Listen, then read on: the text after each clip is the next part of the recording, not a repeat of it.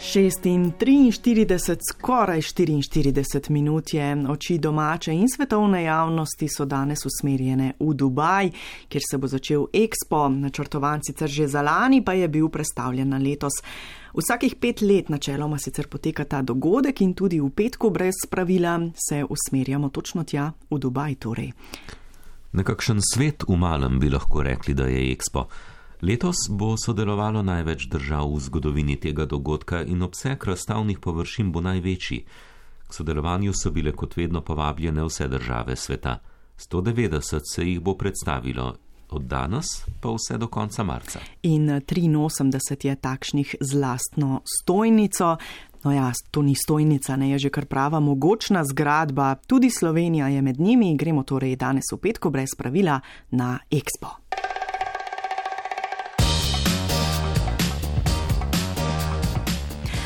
Več kot 25 milijonov obiskovalcev z vsega sveta pričakujejo v naslednjih šestih mesecih v Dubaju.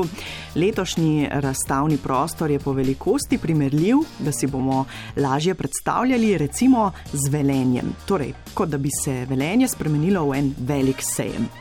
Zgodovina tega dogodka sega v čase industrijske revolucije v London leta 1851 ko je prvo razstavo organiziral princ Albert, mož tedanje angleške kraljice Viktorije. In vsak ekspo je za sabo pustil nekaj prelomnega, recimo sinhronizirane filme. Ja, te so si prvič ogledali prav na Expo in sicer v začetku 20. stoletja v Združenih državah Amerike. In eh, še nekaj zanimivosti je izpostavila Anuša Gaši, vodja projekta in programa Slovenija na Expo 2020 Dubaj. Prvič so bili prav na tem sejmu predstavljeni tudi pisalni stroj, telefon in celo hamburgerji, pa tudi nekateri paviljoni so postali legendarni če bi morali na, na, na vrh vseh najbolj eh, znanih ekspo objektov eh, postaviti enega, bi zagotovo vsi izbrali Eiffel stolp, eh, ki je bil zgrajen za prvo gostovanje ekspa v Parizu. Vsi poznamo tudi Atomium v Belgiji, v Bruslju, vsi poznamo tudi uh, Kornet za sladoled, tudi to je bila ena od pogruntavščin uh, enega od ekspov, ki je gostoval v Ameriki. Tako da teh Dosežkov Expa je ogromno, običajno se tega niti ne zavedamo. Že letos recimo, se vsi pomalem sprašujemo, po čem si bomo zapomnili eh, Dubajski Expo. Upamo, da ne po kakšnih puščavskih viharjih do tega še pridemo. V spredju bodo letos predvsem tehnološke inovacije. Kar ni presenetljivo, glede na to, da ima v Dubaju podružnico celo več kot 70 odstotkov največjih svetovnih podjetij za letošnji Expo, ne, ki je prvič v zgodovini organiziran v eni od arabskih držav. Lahko rečemo, da bo Expo tehnoloških presežkov. Ne.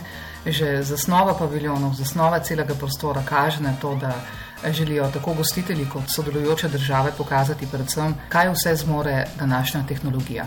In ob tehnologiji bo v spredju tudi vprašanje, kam in kako naj gre človeštvo ob vseh spremembah, torej okoljski globalni izzivi, tudi kako s tehnologijo pomagati našemu planetu. Vsak ekspo torej pritegne tudi s konkretnimi razstavnimi eksponati.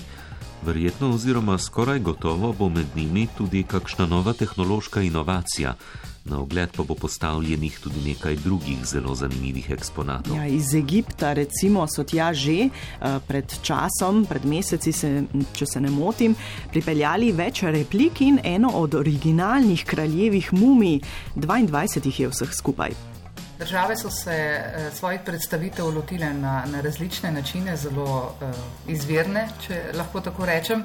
Vse države seveda želimo opozoriti na tisto, na kar smo najbolj ponosni in na tisto, Eh, kar želimo, da nas predstavlja v svetu. Tako bodo američani predstavili pravo raketo in bodo mnogi ljudje lahko prvič vstopili v en tak objekt.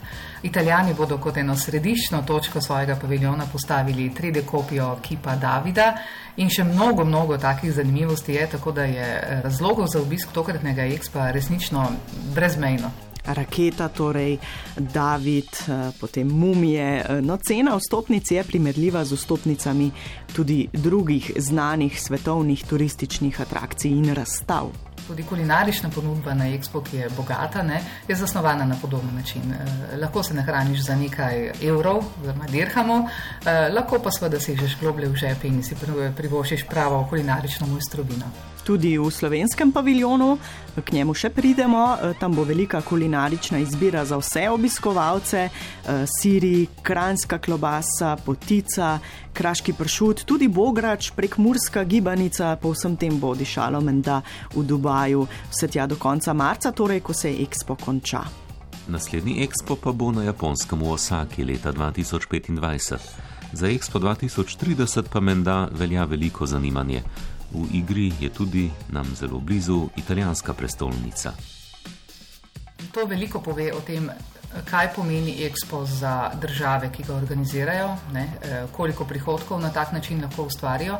Namreč eh, Italijani so gostili Expo nedavno, ne, eh, zadnji Expo je bil v Milano leta 2015 in, in to samo po sebi veliko pove dejansko, kako zelo se države želijo gostiti to prireditev. To je praktično edina res velika globalna prireditev poleg olimpijskih iger, ki pa ima močnejši ekonomski potencial. Ne ki ga bomo izkoristili tudi s slovenskim paviljonom. Torej, ta je pa je eh, nekaj posebnega, tokrat sodeč po fotografijah.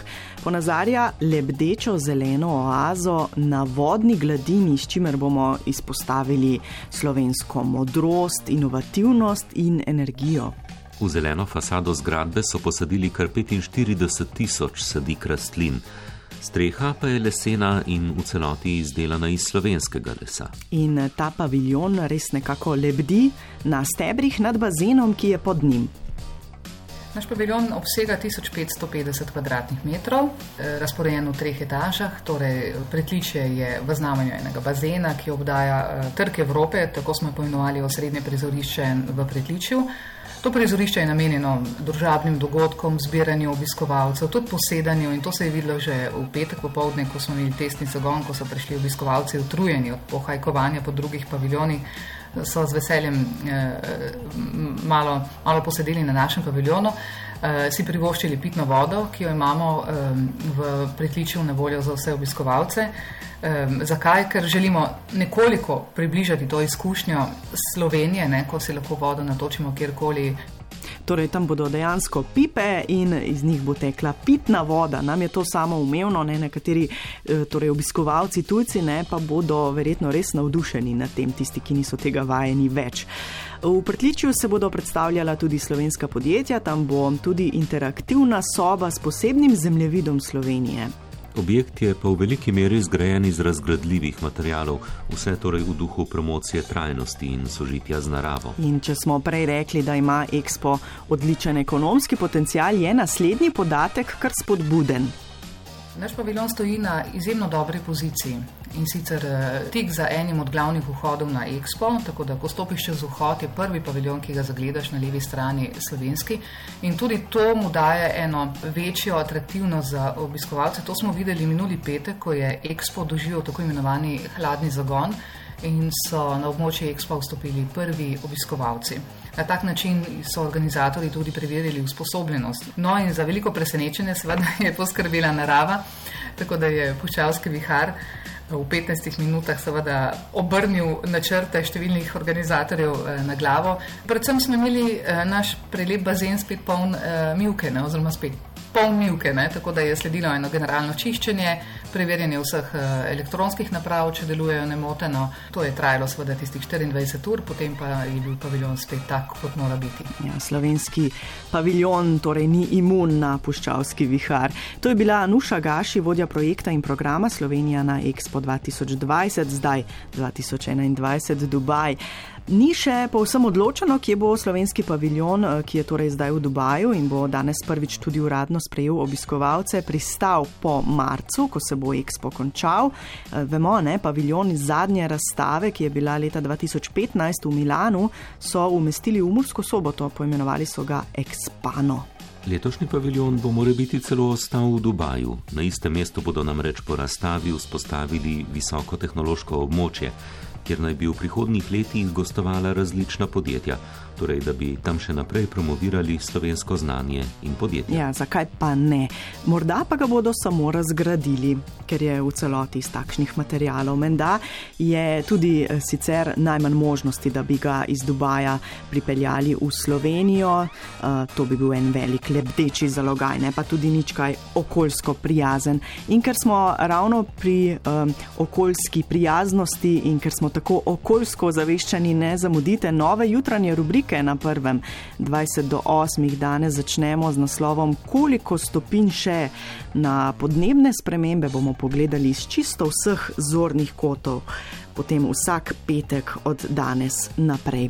Zdaj pa še pogled na uro do druge jutranje kronike ob sedmih, šest minut. Dobro jutro.